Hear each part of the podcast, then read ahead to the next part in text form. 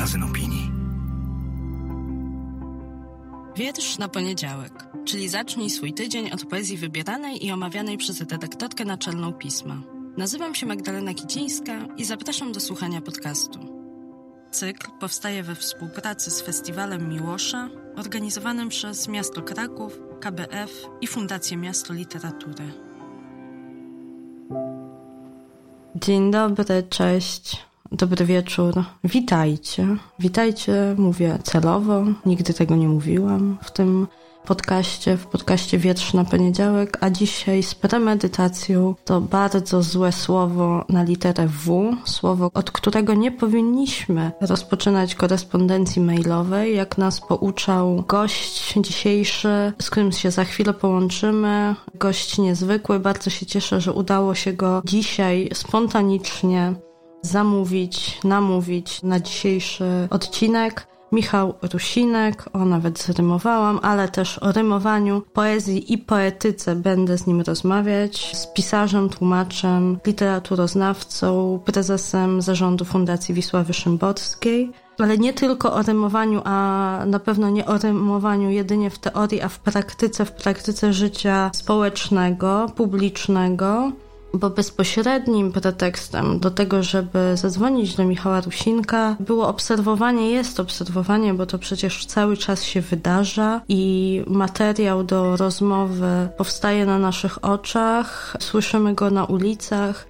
A tym materiałem, materiał, o której chciałabym rozmawiać, jest język i poetyka protestów, które od 22 października w zasadzie codziennie w bardzo różnych formach się odbywają. Czasami to są protesty tłumione przez policję, tak jak przedwczoraj tutaj niedaleko naszej redakcji na Placu Powstańców Warszawy, a czasami tylko i wyłącznie gdzieś w różnych hasłach, w formie różnych haseł, które później trafiają na transparenty. Tego materiału jest sporo i o nim chciałabym porozmawiać z obserwatorem również tej poetyki, bo widziałam na Facebooku, jesteśmy znajomymi, że Michał Rusinek też się temu bacznie przygląda, kolekcjonuje te literackie i nie tylko odniesienia do różnych dzieł kultury i do tego, jak kreatywnie są one wykorzystywane w tej dzisiejszej ulicznej walce, w tym oporze, w tym materializującym się na transparentach i w hasłach gniewie. I o tym wszystkim chcę z nim dzisiaj porozmawiać. Dzień dobry. Dzień dobry. I od razu chciałabym zapytać, jak pozwalam sobie tutaj też na antenie w nagraniu być na ty, bo mieliśmy kiedyś przy bardzo miłej, bliskiej memu sercu okazji poznać się, a mianowicie nie wiem, czy pamiętasz, było to przy okazji zbierania podpisów pod listem środowisk twórczych do prezydenta Andrzeja Dudy, kiedy mieliśmy nadzieję nakłonić go na trzy weta i nadzieja ta okazała się płonną. A dzisiaj będziemy mówili o czymś innym, ale czymś również związanym czy zainspirowanym, wywołanym przez wydarzenia polityczne, to znaczy o poetyce protestów ulicznych, protestów, które od 22 października się toczą. I chciałam zapytać, jak ty tę poetykę oceniasz, jak ją widzisz, bo wiem też obserwując cię w mediach społecznościowych, że śledzisz z uwagą to, co się dzieje.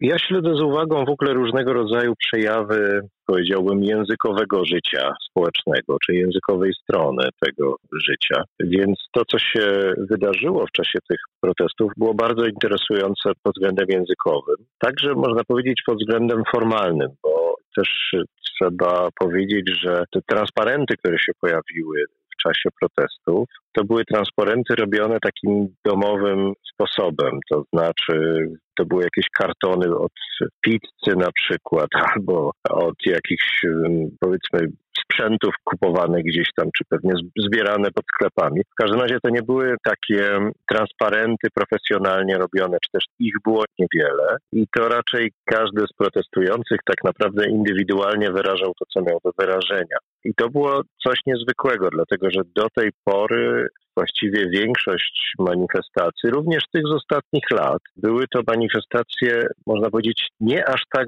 zindywidualizowane. Natomiast te manifestacje nie dosyć, że były najliczniejsze, zdaje się, że w ogóle w historii Polski, chociaż to trudno zliczyć, ale tak mówią historycy, to jeszcze w dodatku były najbardziej zindywidualizowane. Stąd bogactwo tych haseł wypisywanych na transparentach było niebywałe zupełnie. Podejrzewam, że niedługo powstaną już nie prace magisterskie, ale pewnie nawet doktorskie o tym, co tam się pojawiało. A pojawiały się zarówno takie, powiedziałbym, proste wulgaryzmy, jak i już bardziej skomplikowane, aluzyjne czy odnoszące się do szeroko pojętej kultury, bo i popkultury, i kultury gier, i kultury memów hasła i takie, które mnie na przykład najbardziej cieszyły moje polonistyczne serce, to znaczy odwołujące się do literatury. Widać było olbrzymi przekrój społeczny tych, którzy brali udział w tych protestach, no i ich, że tak powiem, wielorakie wykształcenie. Wydaje mi się też, że i pokoleniowa różnica, jeżeli chodzi o skład protestów sprzed kilku lat, z 2015 roku, z obrony Trybunału Konstytucyjnego, a dzisiejszych, gdzie chociażby sądząc po tym, do kogo i kogo cytują autorzy i autorki transparentu, że to jest inna, inna grupa, prawda? To prawda. Ja pamiętam, że jak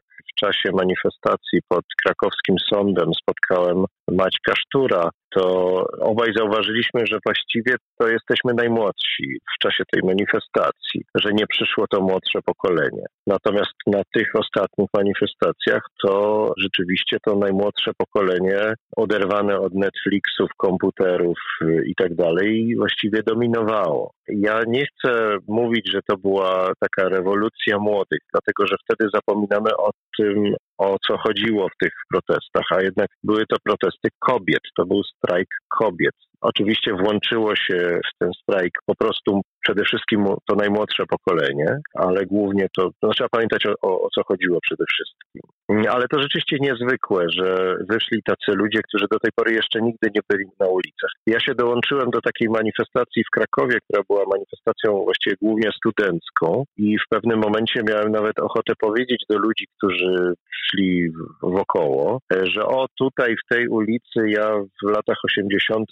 w stanie wojennym zostałem spałowany. Ale pomyślałem sobie, że zabrzmie jak jakiś taki mastodont w każdym razie, ktoś z jakiegoś pokolenia, po prostu. O, to jest to słowo, że dla nich to nie ma żadnego znaczenia. To znaczy, to nie były manifestacje, które odwoływały się do jakichś poprzednich y, manifestacji, czy do solidarnościowych manifestacji, bo dla nich te solidarnościowe są równie realne jak powstanie listopadowe, tak myślę. To, było, to była ich akcja i bardzo zindywidualizowana i nie cytująca, nie odnosząca się do żadnych poprzednich. To było niebywałe. I niebywałe e, chyba też jest to, że można, znaczy Wiele osób było zdziwionych, że, że ci młodzi są w stanie odwoływać się i odnosić do, do tekstów kultury, w tym do znienawidzonych, obśmiewanych dzieł z kanonu lektur. Mogę sobie wyobrazić taką sytuację, że nagle te teksty, nad którymi się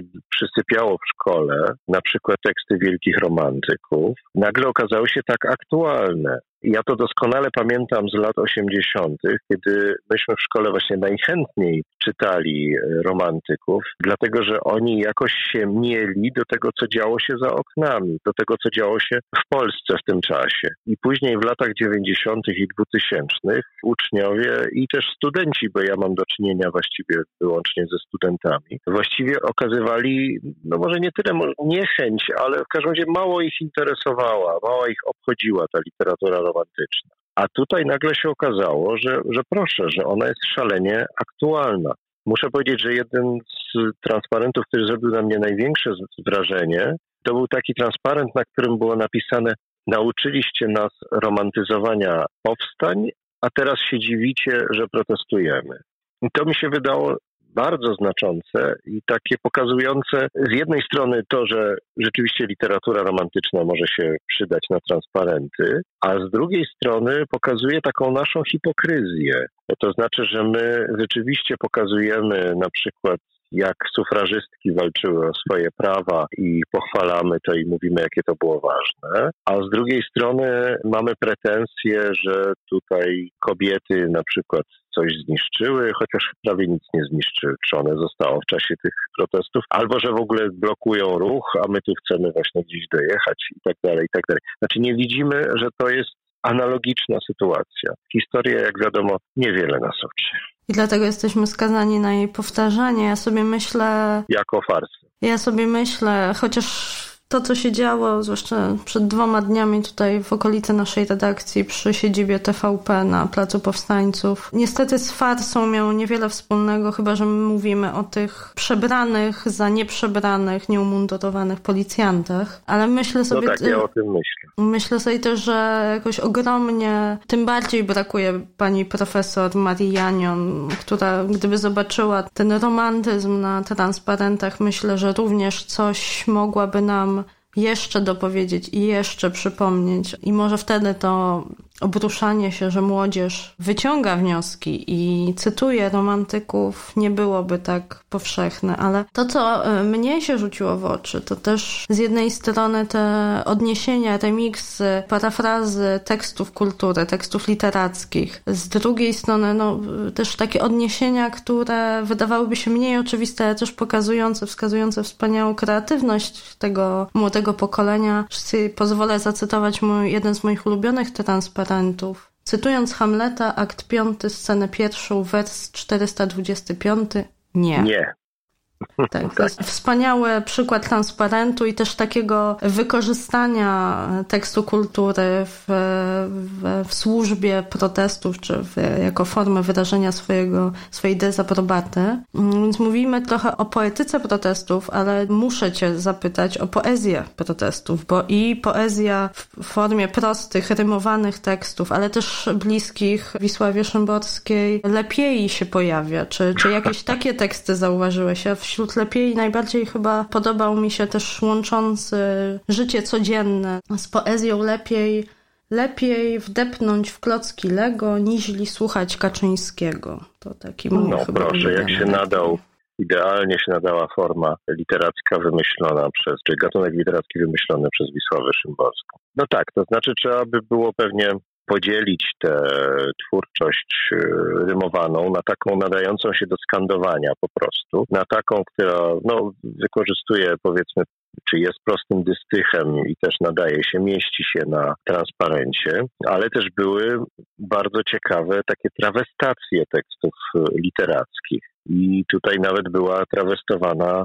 sama Wisława Szymborska i jej wiersz Nic dwa razy się nie zdarza. Myślę, że ktoś, kto jest wyczulony na słowo i na literaturę, to mógł tam znaleźć na tych transparentach bardzo dużo bardzo pięknych i różnorodnych zjawisk literackich. Już nie mówiąc o samym tym staropolskim daj, a cię ja pobruszę, a ty wypierdalej. Tak, to właśnie Księga Henrykowska od samego początku zapisu samego języka początku. polskiego mamy dowody na to, że również do wydarzenia gniewu język polski może... Och, wspaniale się nadaje. A właśnie, cytując tę piękną parafrazę, po której stronie sporu o to, czy wulgaryzmy w czasie demonstrowania są dobre, czy jednak powinniśmy się ich wystrzegać, stoisz? To jest oczywiście pytanie odrobinę jedynie prowokacyjne. No, ja stoję po stronie liberalnej i cały czas jak piszę o protestach i języku protestów, to jestem po stronie liberalnej właśnie. To znaczy wszystkim tłumaczę, za zresztą profesor Magdaleną Smoczyńską, językoznawczynią, że to jest tak, że są takie słowa, których używamy na co dzień i wśród nich oczywiście nie powinno być wulgaryzmów. I są takie słowa na specjalne okazje, bo trudno powiedzieć, że od święta. No i my znaleźliśmy się w takiej specjalnej okazji. Jednak orzeczenie Trybunału Konstytucyjnego ma taki charakter ostateczny, nieodwołalny, więc trudno powiedzieć, że jest zaproszeniem do dialogu. Jest czymś zupełnie przeciwnym, to znaczy jest postawieniem nas, przede wszystkim postawieniem kobiet pod ścianą, zadecydowaniem za nie. Więc jeżeli robi się coś takiego, to wywołuje się sytuację, w której trudno oczekiwać od protestujących, że będą pisać jesteśmy odrobinkę zaniepokojone. Był bardzo dobry transparent. Zaniepokojona to ja byłam w 2015 czy 2016, a teraz już jestem wkurwiona. I on chyba tłumaczy też używanie, posługiwanie się wulgaryzmami. Mam, muszę powiedzieć, mieszane uczucia co do ośmiu gwiazdek, mówiąc y, omownie, bo to jest takie słowo rzeczywiście kojarzące się z jakąś na przykład męską, patriarchalną opresją. ale jeśli chodzi o wypierdalać, to wydaje mi się, że ono jest adekwatne do sytuacji, w której się znaleźliśmy, czy też w której się znalazły kobiety. Czy w której nas postawiono. Tak. A jak myślisz, jeżeli masz takie intuicje, czy ten język w najbliższych dniach, tygodniach będzie się zmieniał? Jeśli tak, to w którym kierunku? Bo, bo też wydawałoby się, że zazwyczaj tak było, do tego jesteśmy przyzwyczajeni, przyzwyczajone, że po jakimś czasie te protesty tracą, słabnie ich rytm, a tutaj co chwilę się okazuje, że jednak jest kolejna fala tych protestów, a, mm, a końca, jakiegoś rozwiązania tej sytuacji nie widać. Muszę powiedzieć, że z jednej strony kreatywność haseł w czasie protestów nadal jest bardzo wysoka, a może nawet rośnie, bo myślę, że protestujący czytają hasła i transparenty swoich poprzedników, a może swoje własne z poprzednich wystąpień, więc o stronę literacką bym się nie bał. Ona będzie na pewno na wysokim poziomie. Ale to z przymrużeniem oka mówię, bo też nie o to chodzi, żeby nam się rozwijała literatura protestów. Chodzi o co innego. Chodzi o to, żeby te protesty jednak się zakończyły jakimś rozwiązaniem.